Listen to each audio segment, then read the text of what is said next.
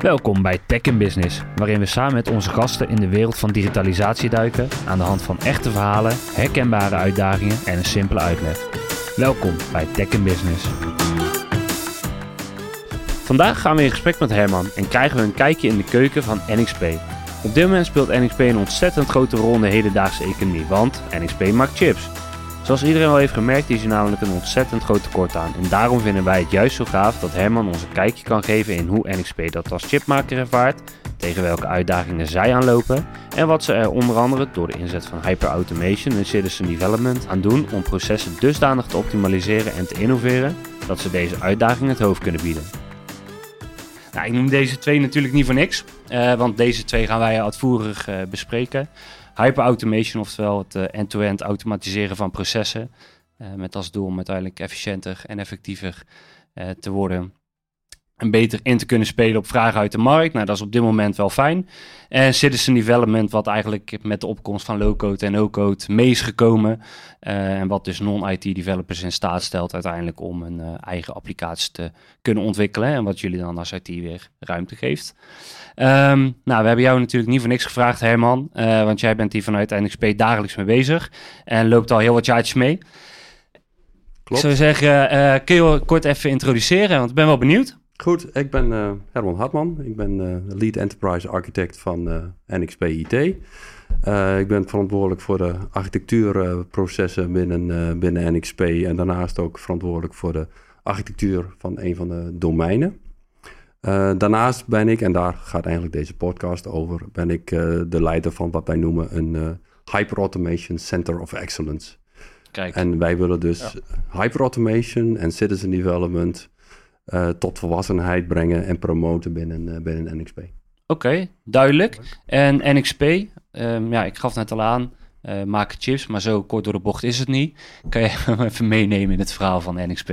Ja, wij zijn, um, NXP is een voormalige dochter van Philips, dus Philips Semiconductors. In 2007 is die zelfs, zelfstandig geworden. Um, wij hebben zeven jaar geleden ook de dochter van Motorola overgenomen, dat was Freescale. Dus uh, als gecombineerde firma zijn wij zeg maar nummer vier op de wereld van, van IC's. Dus een grote firma. We hebben ongeveer 30.000 medewerkers. Van, waarvan pakweg de helft zijn engineers. Software engineers, hardware engineers. Daarnaast hebben we natuurlijk verschillende fabrieken. In Amerika, in Europa, in, in Azië. Nou, als je nou kijkt naar het soort chips die wij maken... of officiële term integrated circuit. uh, maken wij een heel breed, uh, heel breed scala aan, aan, chips. Um, wij zijn nummer één in de automobielindustrie. op het moment dat jij jouw auto open doet met een afstandsbediening, is het een 80% kans dat het een chip is van, van NXP. Daar hebben we dus dagelijks mee te maken. Dagelijks mee te maken. maar denk ook aan bijvoorbeeld sensors en, in je airbag. Uh, adaptive Cruise Control, dus wij maken die radarchips die de afstand meten tot je vorige auto's. Keeping Lane Assist, dat is uh, bijna allemaal uh, van ons. Ook okay. als je je ramen dicht doet. Ander voorbeeld denk ik, wat de meeste mensen gebruiken, is mobiel betalen. Ja. Near Field Communication, NFC-chips. Als jij betaalt met je mobiele telefoon, is het ook ongeveer 80% kans dat het een chip is van NXP. NXP. En ga zo voor en zo verder. Een, misschien een laatste voorbeeldje is bijvoorbeeld koptelefoons met, uh, met noise cancelling. Die noise cancelling chips, die maken wij ook. Uh, producties op heel veel plaatsen van de wereld.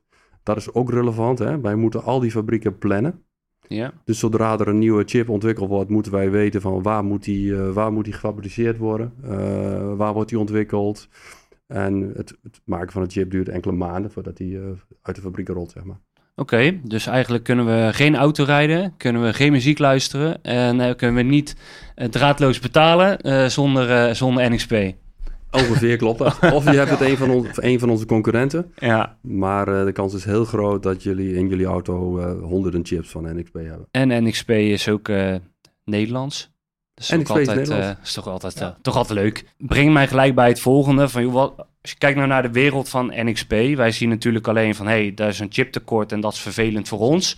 Um, maar jullie hebben ook last van deze uitdagingen. Wat zijn nou voor NXP die grootste uitdagingen van het hele economisch speelveld, uh, speelveld op dit moment? Ja, wat voor ons heel lastig is, is al deze ontwikkelingen te voorzien. Nou, Dat is in feite onmogelijk. Maar we willen snel kunnen reageren op die ontwikkelingen. Ehm, dus de supply chain crisis, zoals je het al, al genoemd hebt, hè, een tekort aan, uh, aan IC's, waardoor fabrieken in, ook in Nederland in Borne stil liggen, omdat NXP en onze, onze concurrenten zeg maar, die chips niet, uh, niet leveren. Dus iets wat in feite NXP niet goed vindt. Wij willen onze klanten zo goed mogelijk uh, kunnen bedienen. Um, die crisis is ontstaan eind 2020. Hè? Um, tijdens de supply chain crisis. De supply chain crisis is, is toen begonnen. Uh, toen corona begon, dacht iedereen van... hey, dit wordt een economisch groot probleem. Dus toen zijn heel veel van onze klanten... hebben de orders ineens uh, afgezegd. Dus dat betekent dat de fabrieken minder waren. Mensen moeten laten gaan, uh, met name in de fabrieken. Um, vervolgens zijn er dus wel ander soort IC's... waar wel vraag naar was. De auto automobielindustrie was helemaal ingezakt. En plotseling, december 2020... kwam een enorme vraag naar chips voor de automobielindustrie... En mensen hadden geen geld meer voor, uh, voor, om op vakantie te gaan, maar ze hadden wel geld om een nieuwe auto te kopen. Ja. Nou, wat we, dus, wat we dus willen, en dat is dus zeg maar de uitdaging die wij uh, ook met hyperautomation uh, willen beteren, is dat we dus zeg maar sneller kunnen inspelen op veranderingen in de markt. Ja. Als wij een nieuwe IC gaan produceren, ja, dan willen we uh, we willen verschillende scenario's door kunnen rekenen. Wat gebeurt er als dit gebeurt? Wat gebeurt er als dat uh, gebeurt? We willen sneller onze, onze, onze prijzen aan kunnen passen als dat nodig is. En we willen ook sneller investeringen kunnen maken of af kunnen schalen. Hè? Dus nu met, ja. uh, met bijvoorbeeld een mogelijke economische recessie moeten we natuurlijk ook in staat zijn om snel te kunnen reageren en onze investeringen af te kunnen schalen. Ja. Voor mij een begrip en voor de dingen van uh, chips hè, in de auto. je gaf net een aantal voorbeelden daarin. zeg maar. Zit daar dan zoveel verschil in op het moment dat er een, een ander merk een lane assist nodig heeft of wat dan ook? Van, hoe verhoudt zich dat dan bij jullie? Nou, wij hebben onze catalogus iets van enkele duizenden verschillende chips. Um, dus ooit dacht men ook van oké, we hebben dus waarschijnlijk meer chips nodig voor automobiel. Laten we daar maar even flink wat produceren. Dan hebben ze op voorraad. Maar dat blijkt niet goed te werken, want klanten willen toch heel erg een bepaalde chip hebben. Dus die hebben toch echt wel hun keuze gemaakt. Soms dan kunnen we zeggen van oké, misschien past deze chip ook in jullie ontwerp. Maar dat betekent dat zij hun ontwerp ook aan moeten passen. Ja. Dus onze klanten zijn typisch de, de mensen als Continental en Bosch, die die modules leveren, die dan weer in de auto's terechtkomen. Dus onze, onze chips zitten in de, in de high-end auto's, of bijna auto's, maar onze klanten zijn juist weer die, die die modules maken. Dus die moeten ook weer een hele een ontwerp aanpassen, wat ook weer tijd kost. Dus ja, doordat we in die hele supply chain zitten en al die stappen van ontwerpen daarin nodig zijn, uh, is het heel moeilijk voor onze klanten om te switchen naar net een ander type. Um, want inderdaad, ja, Marco, je noemde het net al. Jij ook, Herman. Uh, hyper automation. Um, nou, het is eigenlijk... Heel veel bedrijven zitten al een tijdje in die digitale transformatie. Eigenlijk het buzzwoord van de afgelopen tien jaar, volgens mij. Uh, daarin zijn hele grote stappen gemaakt richting procesautomatisering. Uh, maar uiteindelijk hebben we ook wel gemerkt dat aan die procesautomatisering een plafond zit. Ja. We kunnen tot hier en, en eigenlijk niet veel verder. Dus kom je aan een uh, volgende stap. En uh, dat lijkt hyper automation of intelligent automation uh, of end-to-end -end automatisering. Je hebt heel veel namen voor hetzelfde. ben ik achtergekomen. Het end-to-end -end automatiseren van die processen door het combineren van nou, verschillende technologieën, noem een AI, noem een machine learning, een RPA. En ga zo maar even verder. Volgens mij is er een flinke lijst op te noemen. Nou, daar kom je zo meteen ook nog eventjes op, geloof ik. Um, en zoals je al aangaf, lijkt het een logisch vervolg te zijn, of gevolg te zijn van eigenlijk wat we in de afgelopen jaren hebben gehad. Een coronacrisis, de veranderende markt, nou, noem het maar op. Um, als ik dan kijkt naar hyperautomation, um, kan jij ons dus meenemen in wat dat voor NXP betekent? Je gaf al aan, willen snel kunnen inspelen op de markt, eventueel onze productie snel kunnen aanpassen. Maar ja, zo. Ja, wat, wat, wat wij als belangrijkste doel hebben, is dat eigenlijk alle processen waar dat enigszins nuttig is en die geautomatiseerd kunnen worden, die willen wij automatiseren. Dus alle handmatige processen, uh, die willen we proberen te automatiseren. Nou, soms heb je handmatige processen eh, waarbij dat niet kan, dus dat niet doet. Maar in principe is de insteek overal kijken van uh, waar we dit door een robot of een eh, welke vorm van automatisering ook, ook kunnen gaan doen. Ehm, dus dat is de enige vorm. Die- Het heeft te maken met efficiëntie. Ehm, efficiëntie met het gebruik van personeel. Want zoals ook iedereen hebben wij een, eh, een gebrek aan personeel. Eh, soms wordt wel eens gezegd van... Goh, zijn, jullie, zijn de medewerkers niet bang dat door automatisering zij hun baan verliezen? Vroeg Nee. ik me ook af. Zijn wij niet bang, want er is, er is, er is zoveel werk. Eh, iedereen heeft, heeft zoveel te doen. Dat over het algemeen mensen gewoon heel blij zijn dat het werk overgenomen wordt. Oké. Dus het aspect van snelheid had ik al, al benoemd. Hè? Maar ook het aspect gewoon van efficiënt werken. Dat mensen tijd hebben voor de meer interessante dingen. Hè? Dat is het, eh, het eerste, eerste aspect. Eh, vervolgens zullen wij ook, ehm, dat wat je nu ziet, dat we dan eh, meestal reageren op wat er in de markt gebeurt. Maar we willen ook ehm, proberen om preventief te zijn. Dus door verschillende scenario's uit te rekenen. Eh, en daar heb je dus heel veel, eh, heel veel verschillende opties eh, voor.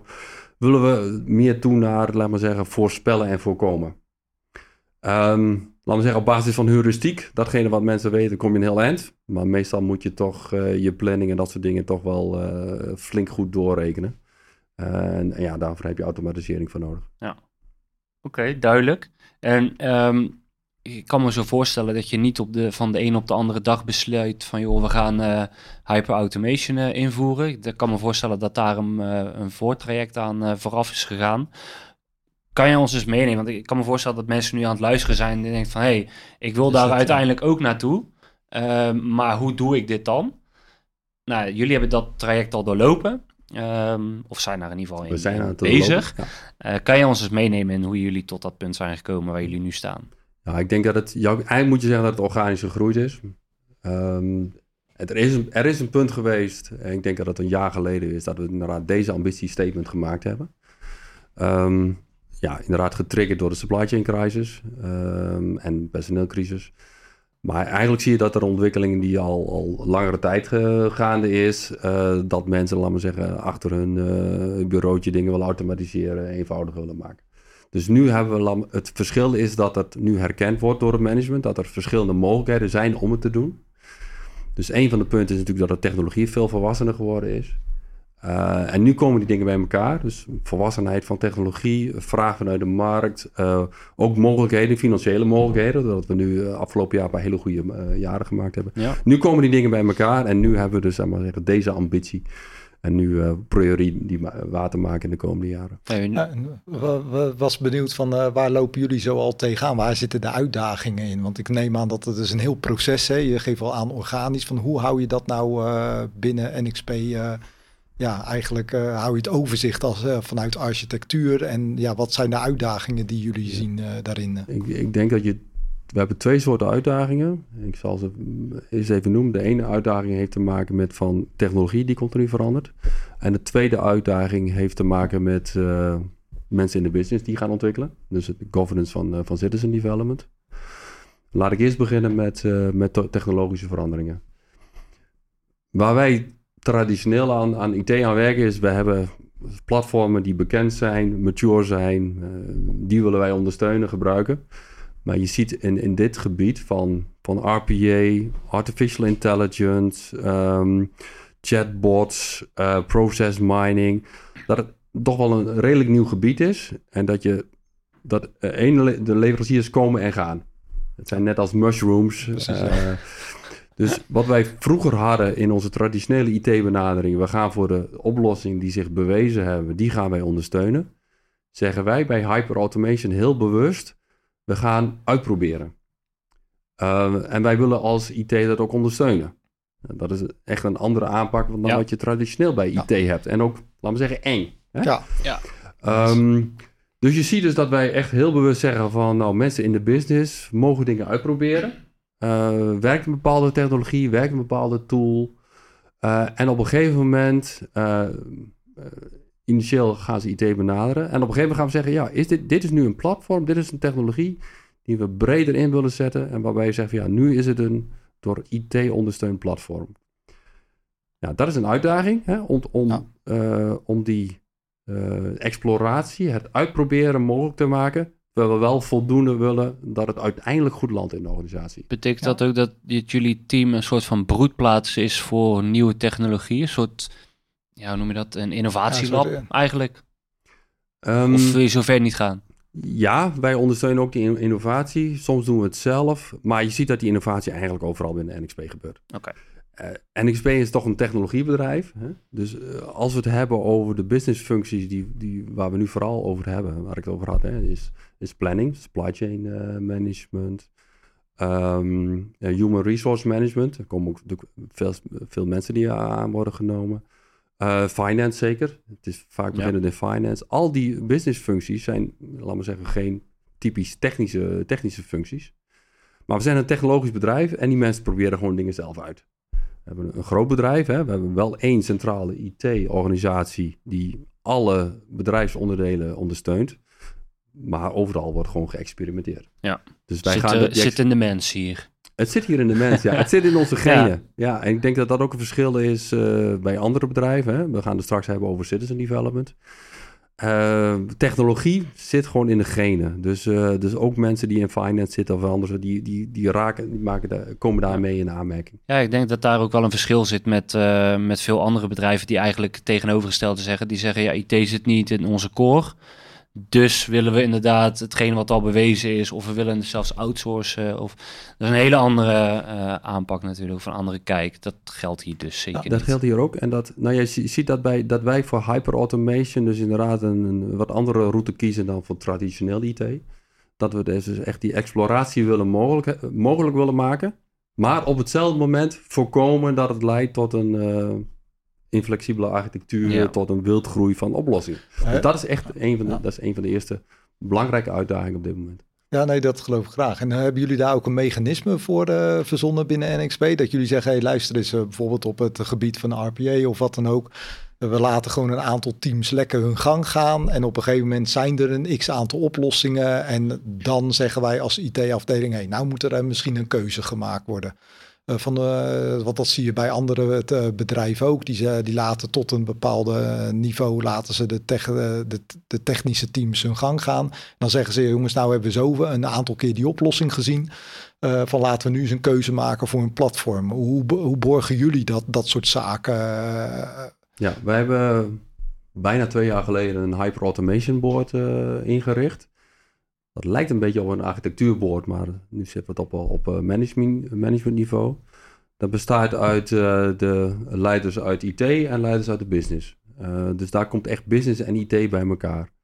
Ehm, ja, we hebben daar een gemeenschappelijk beeld. Het is dus niet zo dat elke business line naar IT komt met een vraag. Nee, we brengen al die mensen bij elkaar. In die board worden de initiatieven vanuit de business besproken. De initiatieven vanuit IT besproken. En de board neemt dan, neemt dan een beslissing eh, hoe we daarmee verder moeten. Ehm, dus we hebben dat organisatorisch geregeld. Eh, in die zin dat we dus willen vo- voorkomen inderdaad dat elke business line met zijn eigen ding aan de slag gaat. En in die board komen dingen bij elkaar en eh, willen we ook de, wordt ook de governance eh, gewaarborgd. Oké, maar dat is dus ook belangrijk voor bedrijven die met hyperautomation echt aan de gang willen gaan. Of eh, innovatieslab, hè. dat heeft verschillende termen natuurlijk in de, in de markt. Dan geef jij ook aan van, ja, oké, laat die teams vooral hun gang gaan, maar zorg ervoor dat je er een board eh, boven gaat hangen, waar je business en IT de, gezamenlijk de beslissing laat nemen van hoe zaken verder ontwikkeld worden Ja. of welke pakketten je mee verder wil gaan. Exact. Dus één expliciet doel van die board is zodra om te kijken naar de ontwikkelingen. Ehm, maar zodra we zeggen, hey, dit, dit platform is mature. Soms moeten we keuzes maken. Hè, dat er in, in verschillende business lines een verschillende platform gekozen wordt. Is ook gebeurd. Dan gaan wij kijken, nou, wat is nou, wat is nou het beste platform? Bijvoorbeeld Automation Anywhere of UiPath. Dan komen die dingen bij elkaar en dan zeggen we, oké, wat is nou de beste oplossing voor NXP? Hebben we ze beide nodig? Nee, toch niet. Nou, en vervolgens dan kiest de board voor een van die oplossingen. En dan heeft IT als opdracht om dat platform eh, dan, eh, dan te ondersteunen. Heb je, heb je een voorbeeld van ehm, eh, bepaalde oplossingen die, die uiteindelijk uit die board gekomen zijn? Dat jullie hebben samengezeten, er is een, een keuze gemaakt van we gaan dit doen. Een paar voor, of heb je daar een voorbeeld van? Ja, een voorbeeld is, is UiPath, wat begonnen is binnen finance. Het begint bijna altijd in finance. Ja, Of je komt uiteindelijk bij finance terecht. Ja, daar heb je in finance natuurlijk heel veel eh, rapportjes die gemaakt worden, overzicht die gemaakt worden, informatie die bij elkaar gesleept wordt enzovoort. Dus daar, daar is men eh 2,5 jaar, la- jaar geleden begonnen met, eh, met RPA. Eh, toen hebben ze in de markt gekeken, Eh, kwamen ze op UiPath. Nou, vanuit IT hebben we alleen gekeken van is dat een security probleem enzovoort. Eh vervolgens ze zeggen van ja, hey, dit is toch wel iets wat wat breder toepassing is. En mensen binnen finance dachten ook van ja, het onderhouden van een platform, het ondersteunen daarvan is niet onze core business. Dus toen hebben wij eh, als board gezegd, oké, dit is een platform wat wij als IT nu gaan ondersteunen. En ook eh, ontwikkelaars eh, beschikbaar stellen. Tegelijkertijd, even een ander voorbeeld, is er een andere afdeling met manufacturing die gebruikt Automation Anywhere. En we hebben ook gekeken van oké, gaan we nu richting Automation Anywhere of UiPath of beide? Ehm, toen is, is vanuit het eh, team van manufacturing heeft naar UiPath gekeken. Zei, ja, je kan UI- UiPath het prima doen. Nou, op die manier, eh, dan heb je dus een, een gebied wat al redelijk uitgeontwikkeld is. Nou, hè, RPA is natuurlijk al eh, volwassen aan het worden. Ja. Dan hebben we dus een gebied waar je zegt van ja, het heeft waarde aangetoond. We hebben verschillende platforms. En nu, gaan we, eh, nu gaan we als board een keuze maken wat het platform is die IT gaat ondersteunen. Ja, Eh, je gaf net ook al aan dat eh, citizen development, al een paar keer terugkomen in jouw verhaal, ook onderdeel is van eh, deze strategie binnen NXP. Citizen development kennen wij natuurlijk vanuit low-code, waarin je business de mogelijkheid of de mogelijkheden en de handvatten geeft om bepaalde oplossingen zelf te creëren. Binnen de kaders natuurlijk die IT stelt. En daarmee IT dus de ruimte geeft om zich bezig te houden met andere zaken. Ehm, we zien dit eigenlijk ook bij steeds meer organisaties ontstaan, maar iedereen ziet het toch wel een beetje anders. Dus ik ben ook al benieuwd hoe jij of jullie binnen NXP dit zien. Ja. Ehm, wij zien citizen development als een belangrijk onderdeel van hyperautomation. Eh voor ons gaan die twee dingen hand in hand. Ehm, wat is daar de reden voor? Ehm, kijk, als we het hebben over automatisering van al die processen, dan kent die eindgebruiker kent die processen het best. Die kent die in detail. Dus zij weet precies welke informatie eh, zij nodig hebben, welke handmatige processen zij doen, enzovoort, enzovoort. Als IT, als je dit soort, eh, als je de requirements daarvan op, eh, op papier zou zetten, zou dat dus heel veel, heel veel effort stoppen. Ja. Dus een eindgebruiker kent zijn requirements het best en die weet ook dat dingen veranderen. Dat is één reden om automatisering zeg maar, bij, bij citizens te leggen. Een tweede reden is, en daar ga ik straks nog iets over vertellen, dat die tools meer, steeds meer mature worden. Eh, je, je ziet, dus laat maar zeggen, in de jaren negentig waren we al bezig met, eh, met dingen als van, nou ja, we hadden toen derde generatie talen Precies, en ja. die waren heel generiek. Vervolgens waren we in de research bezig met dingen als wat er heet model-driven development. Eh, dat is eigenlijk de term die in de, in de research gebruikt wordt, of domain-specific languages. Eh, tegenwoordig heet dat low-code, no-code. Ja, Hè? Dus Precies, term. Ehm, ja, die ontwikkeling heeft echt heel lang geduurd. Ehm laten we zeggen dat ik die eh, helemaal meegemaakt heb. Eh, en ik zelf dus ook een, eh, een model-driven taal nog ontwikkeld heb. Je ziet dus dat je steeds meer talen ontwikkeld worden die echt heel erg sp- specifiek zijn. Hè? Daarom domain-specific language. In, tot de jaren negentig dachten we, nou, we hebben generieke talen nodig waar je alles in kunt doen. Nou, voor een ontwikkelaar is dat hartstikke leuk. Maar zodra je toe wil naar iemand die, ehm, ja, die het zelf moet, moet automatiseren, moet je hem eigenlijk zo min mogelijk functionaliteit geven. Ja. Hij moet met beperkte middelen kunnen doen wat hij wil. Dus wil zeggen dat je de ontwikkeling die je dus ziet, is dat je steeds meer eh, specifieke talen krijgt.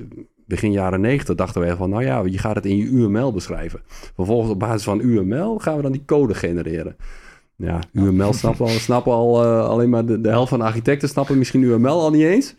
Laat staan dat je een eindgebruiker in UML eh die Ja, dat allemaal dat- kunt ja, laten ja, maken. ja. dat gaat niet werken. dat gaat niet gaat werken. niet werken. Nee. Dus, dus je ziet dus dat, ehm, dat die leveranciers slim geworden zijn. Wat ik zei, die tools zijn volwassen geworden zijn. Dus je hebt nu dus die talen die dus eh, volwassen genoeg zijn om nou, al redelijk complexe applicaties te maken. Waar zij dus mee door kunnen. Ten slotte, een derde, derde punt, hè, is dat je ziet dus dat in verschil met 30 jaar geleden, dat jonge mensen veel gemakkelijker met te- technologie gebruik maken. Je, je bent vijf jaar en je krijgt al een mobiele telefoon en je doet al van alles. Ja, dat is niet in onze, onze tijd dat je met een programmeerbare rekenmachine al heel erg blij was. Precies, ja. En eh, dus jonge mensen zijn komen veel sneller in aanraking met automatiseringsoplossingen. Dus die drie aspecten. Eén, uh, eindgebruikers kennen hun requirements het beste. Ja. Tweede, de tools zijn volwassen geworden. En drie, mensen zijn veel meer tech-savvy. En daardoor denken wij, of merken wij, dat er steeds meer geautomatiseerd wordt uh, in de business. Je gaf net al een paar keer aan uh, low-code, no-code, uh, zeg maar, platformen. van, waar ik nog naar benieuwd naar ben. Wat voor soort platformen gebruiken jullie binnen NXP om die citizen developer ook te kunnen ondersteunen? Ja, um, wij gebruiken best wel vrij veel platformen. Um, ik denk dat je kunt zeggen dat we op, op drie gebieden de platformen hebben. Uh, in eerste instantie rondom uh, RPA hebben we UiPath en, en Power Automate. dus Power komt van Microsoft. Dat zijn de twee platformen die wij, die wij gebruiken. Waarbij Power Automate wat makkelijker te gebruiken is en goed werkt in de Microsoft-omgeving. UiPath heeft een heel breed scala van onderwerpen. Daarna hebben wij allerlei platformen waar je applicaties kunt ontwikkelen. Power Apps heb ik al, al genoemd. Daarnaast hebben we WinShuttle voor, uh, voor mass uploads en downloads rondom, uh, rondom SAP. Uh, ServiceNow gebruiken we ook, het Now-platform om ja. applicaties in te ontwikkelen. we zijn nu ook begonnen met, met Mendix. want we willen Mendix ook gebruiken in onze transformatie van het SAP voor HANA. Waarbij we Mendix ook willen gebruiken om keep the core clean. Ja. Hè? Dus dat we Ja, niet eh, precies, onze ja. SAP-omgeving eh, te, eh, vervuilen, zeg maar. Maar sowieso willen we Mendix ook verder inzetten. Als derde gebied hebben we vrij veel platformen die te maken hebben met re- reporting, dataverwerking. Dan heb je weer Power BI, we hebben Data IQ, Tableau en, en nog een beetje Minitab. Dus dat zijn met ja. name rondom het EBI, Enterprise Business Intelligence eh, platform. En dan, ik denk dat het het volledige lijstje is. Dat is een eh, groot lijst. ja. En je benoemde net ook, eh, je zei net tech-savvy. Leuk, een leuke term overigens. Ehm, het moment dat je zegt citizen developer, dan krijgen mensen al een, eh, een rol beroerd omdat daar het woord developer eh, in staat. En eh, dat, dat, is- dat is gelijk eng. Ehm, wa- wat zien jullie binnen NXP? Wat zie jij als een perfecte profiel voor een citizen developer? Of bestaat die misschien niet? Dat kan ook. Dat is een goede vraag. Wij zien eh, iemand als een citizen developer hoeft dus geen eh, professionele eh, on- ontwikkelaar te zijn, maar die moet in staat zijn om de automatisering die hij nodig heeft voor zichzelf of zijn, werkgroep te kunnen automatiseren. Dat zijn oplossingen die door een aantal mensen gebruikt worden. Ehm, waarbij je dus typisch moet denken als het, het maken van reports. Hè? Een voorbeeld is, is Power BI, hè? Waarbij we eigenlijk al een jaar of vijf, zes, zeven eh, doen aan citizen development. Dat mensen hun eigen rapport eh, kunnen maken. Eh, een ander voorbeeld is ook bijvoorbeeld, dat is weer in de Microsoft tool Power BI, dat mensen, of sorry, Power, Power Apps, dat je makkelijke apps kunt maken om bijvoorbeeld uren te registreren of, of je, je vakanties in op te geven. Ehm, dus voor ons is die citizen developer is iemand die, ehm, laat me zeggen, ehm, waarbij de IT-impact niet al te groot is.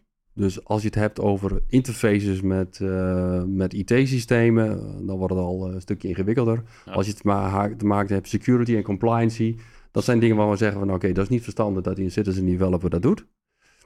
Eh, daar hebben we dus ook een, eh, een, een, governance eh, matrix voor opgesteld. Maar voor ons is de citizen developer iemand die redelijk, is, die redelijk snel in staat is om een applicatie te ontwikkelen voor zijn eigen gebruik. Ja, ja dat is wel een eh goede dat je, dat je het benoemt. Jullie zeggen, je hebt een governance matrix daarvoor. Ik denk dat dat ook de, eh, de angst is van heel veel bedrijven die, waar je citizen development mee bespreekt. Van ja, maar als ik de mogelijkheid geef aan mijn business om zelf dingen te gaan ontwikkelen, wat voorkomt dan een wildgroei aan applicaties waar we als IT geen controle over hebben? Eh, dat is misschien ook wel een leuke, want die angst komt ergens vandaan. En dat- ben ik ook wel benieuwd van hoe bij NXP jullie dat doen. Omdat je hebt natuurlijk data. En als je apps hebt, heb je data nodig. Van ja, hoe, hoe zorgen jullie ervoor dat je die citizen developer voldoende eh, begeleidt, eh, zodat hij ook die apps zelf kan maken eh, Ja. met de data die hij of zij nodig heeft. Klopt. Ik, ik her- die angst die herkennen wij ook. Dus je ziet ook met name binnen IT dat mensen, oh, begin er nou niet aan, zeg maar. Hè? Ja, Ja, precies die Ehm, reactie. Hebben, en heel veel mensen hebben die ervaring, ik zelf ook, dat, eh, dat apps zijn ontwikkeld of applicaties zijn ontwikkeld door de business. En dan zeggen ze, oké, eh, gaan ze naar IT, hebben we een virtual machine of kun je dit connecten? En voordat je het weet, hebben we iets erbij wat we eigenlijk niet willen. Eh, dus die angst is eh, heel duidelijk. Eh, Dat is vanuit ons verleden hè, dat we hebben dat zien, hebben zien misgaan. Maar aan de andere kant zeggen we ook van, we kunnen het niet stoppen. Die, die tools zijn er nou eenmaal. En we kunnen wel zeggen, we gaan het niet gebruiken, maar die, die komen toch. Dus in plaats van dat wij zeggen van, doe het niet, ehm, zien we A, de voordelen zoals ik die net al genoemd had. Maar we kunnen beter zorgen dat we het goed gaan governen, zodat het goed landt. Door te zeggen van, door het te ontkennen of eh, eh, ja, dan gaat het eh, toch gebeuren. Maar door gewoon, door gewoon daar gewoon op een goede manier met die eindgebruikers mee om te gaan. Duidelijk te maken wat zij wel kunnen, wat ze niet kunnen.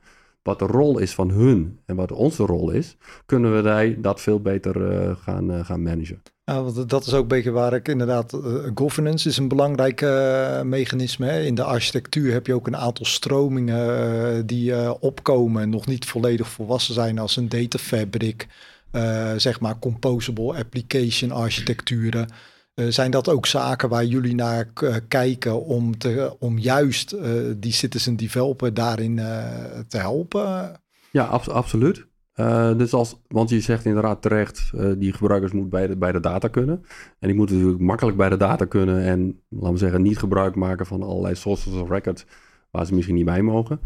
Dus als onderdeel van die digital transformation willen wij ook naar data-centric gaan. Of wij gaan ook naar data- data-centric. Dus daar waar je vroeger eh, informatie tussen applicaties werd uitgedeeld, van de informatiestromen, eh, gaan wij nu naar eh, data meshes, data environments, waar die citizen zijn data vandaan kan, kan halen. Ik denk dat, dat die transformatie is misschien nog wel moeilijker dan die eh, van citizen Dat development. graag. ja. Want het betekent dat heel ons IT-landschap verandert om, eh, om naar data-centric te gaan. En eh, ja, dat doen we dus ook als onderdeel van bij, wat wij onze Digital Transformation eh, programma noemen. Ja, dat is inderdaad een belangrijk onderdeel om data makkelijk te ontsluiten voor eindgebruikers. En dat die ook daar de goede dingen mee kunnen doen. Ja, want dat is ook wat ik vaak hoor in de angst van bedrijven die eh, de citizen developers los willen laten gaan. Dat ze eigenlijk nog een slag moeten maken voordat ze dat echt zeggen. Ja, dat is nou eigenlijk het punt waar we ze echt los kunnen laten gaan. En voornamelijk die datalagen hoor ik daar vaak als Ja. heel belangrijke Ja. elementen terugkomen. En maar helemaal loslaten doen we niet. Eh, Nee, dat begrijp, dat begrijp ik. Maar eh, dat, dat, moet je, dat moet je goed eh toegedoen. Hè? Need to know eh, welke, welke, wel- welke data mag je wel en niet bij, zeg maar, vanuit jouw rol enzovoort. Dat principe moet je heel goed belegd hebben. Dat zat eerst in honderden applicaties vaak, eh, allerlei verschillende rechten.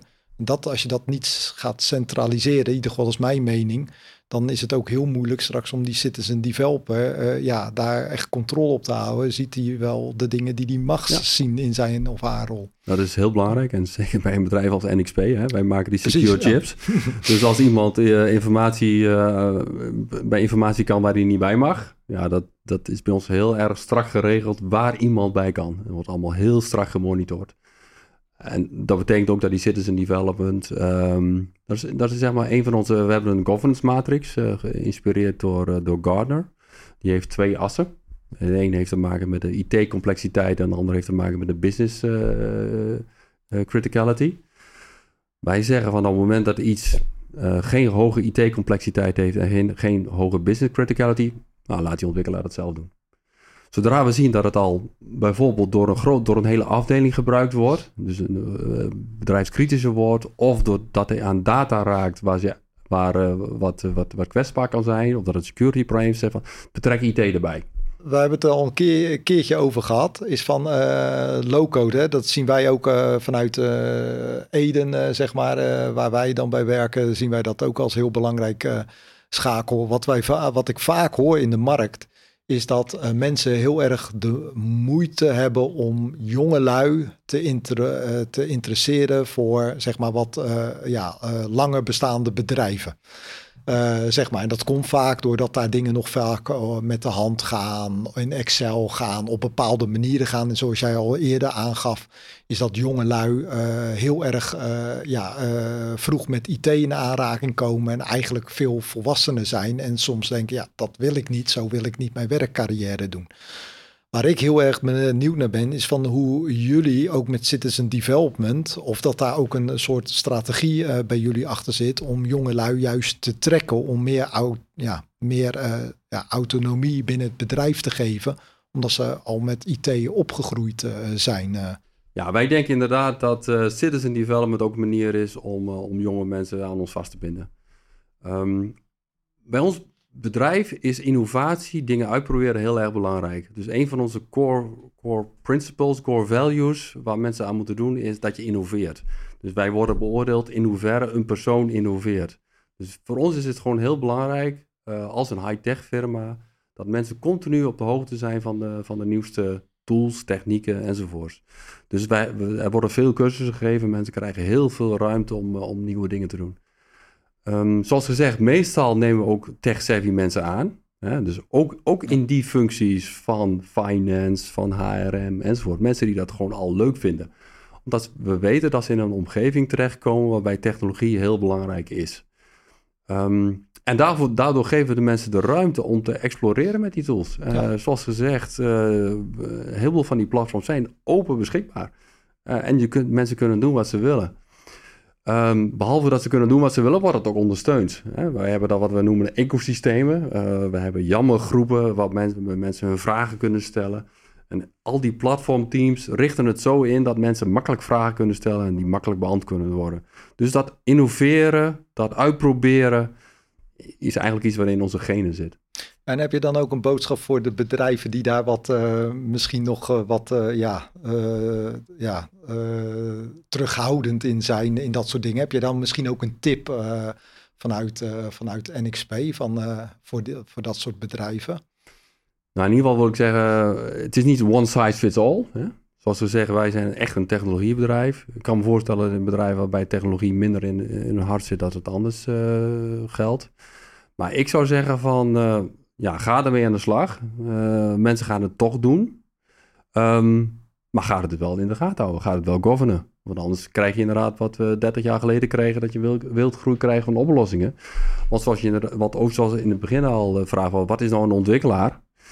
Um, een citizen developer is geen professionele ontwikkelaar. Dus je moet wel goed, hem, goed, hem of haar goed begeleiden en goed ondersteunen. Want anders krijg je oplossingen die groeien en groeien en dus niet zijn. Dus wel vrijheid geven, maar ook goed ondersteunen, uh, zodat het op een goede manier landt. Oké. Okay. Dat is denk ik een mooie, ja. een mooie om mee te nemen, mooi advies. Um, Herman, je, je, je, gaf aan, uh, nou ja, als NXP zijn natuurlijk een, een tech-savvy bedrijf. Het, het, het ademt uh, technologie. Je hebt al, ik denk ook wel dat jullie gezien jouw verhaal wel voorop lopen op de muziek. Of proberen in ieder geval voorop te lopen op de muziek. Um, je hebt in de afgelopen decennia genoeg voorbij zien komen. Genoeg geadopteerd, genoeg ook weer de deur zien verlaten. Um, als we nou kijken naar de komende jaren, welke ontwikkelingen verwacht jij nou dat het verschil, die het verschil gaan maken uh, voor NXP, maar ook in, in de wereld aan zich? Er wordt genoeg genoemd, er wordt genoeg geroepen, maar ik denk dat artificial intelligence iets is waar wij nu een beetje mee begonnen zijn. Uh, wat wij nu eigenlijk doen is advanced analytics. Op basis van data uh, slimme analyses doen. Maar ik denk artificial intelligence, waarbij systemen hun eigen beslissingen nemen. In plaats van dat wij achteraf beslissingen. Ik denk dat dat een van de, van de meest interessante gebieden is. Wat echt het boel kan veranderen. Ja. Uh, dus je ziet dat binnen NXP.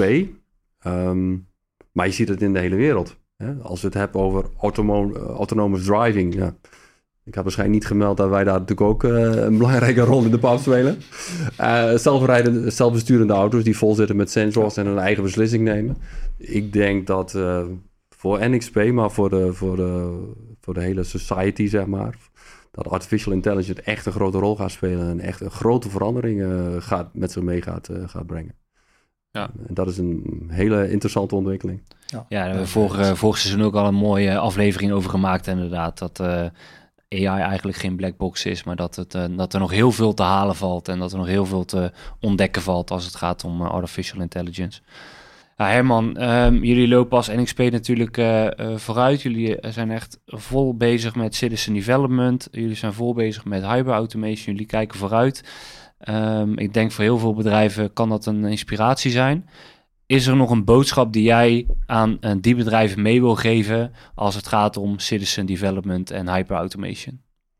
Ja, ik, ik denk dat je kunt stellen dat hyper automation iets is wat er echt is. Uh, dus je moet het niet ontkennen. Het is een, uh, er zijn, bestaat uit volwassen technologieën waar je echt heel veel voordeel uh, uit kunt halen. Daarnaast denk ik dat citizen development ook iets is wat je moet omarmen.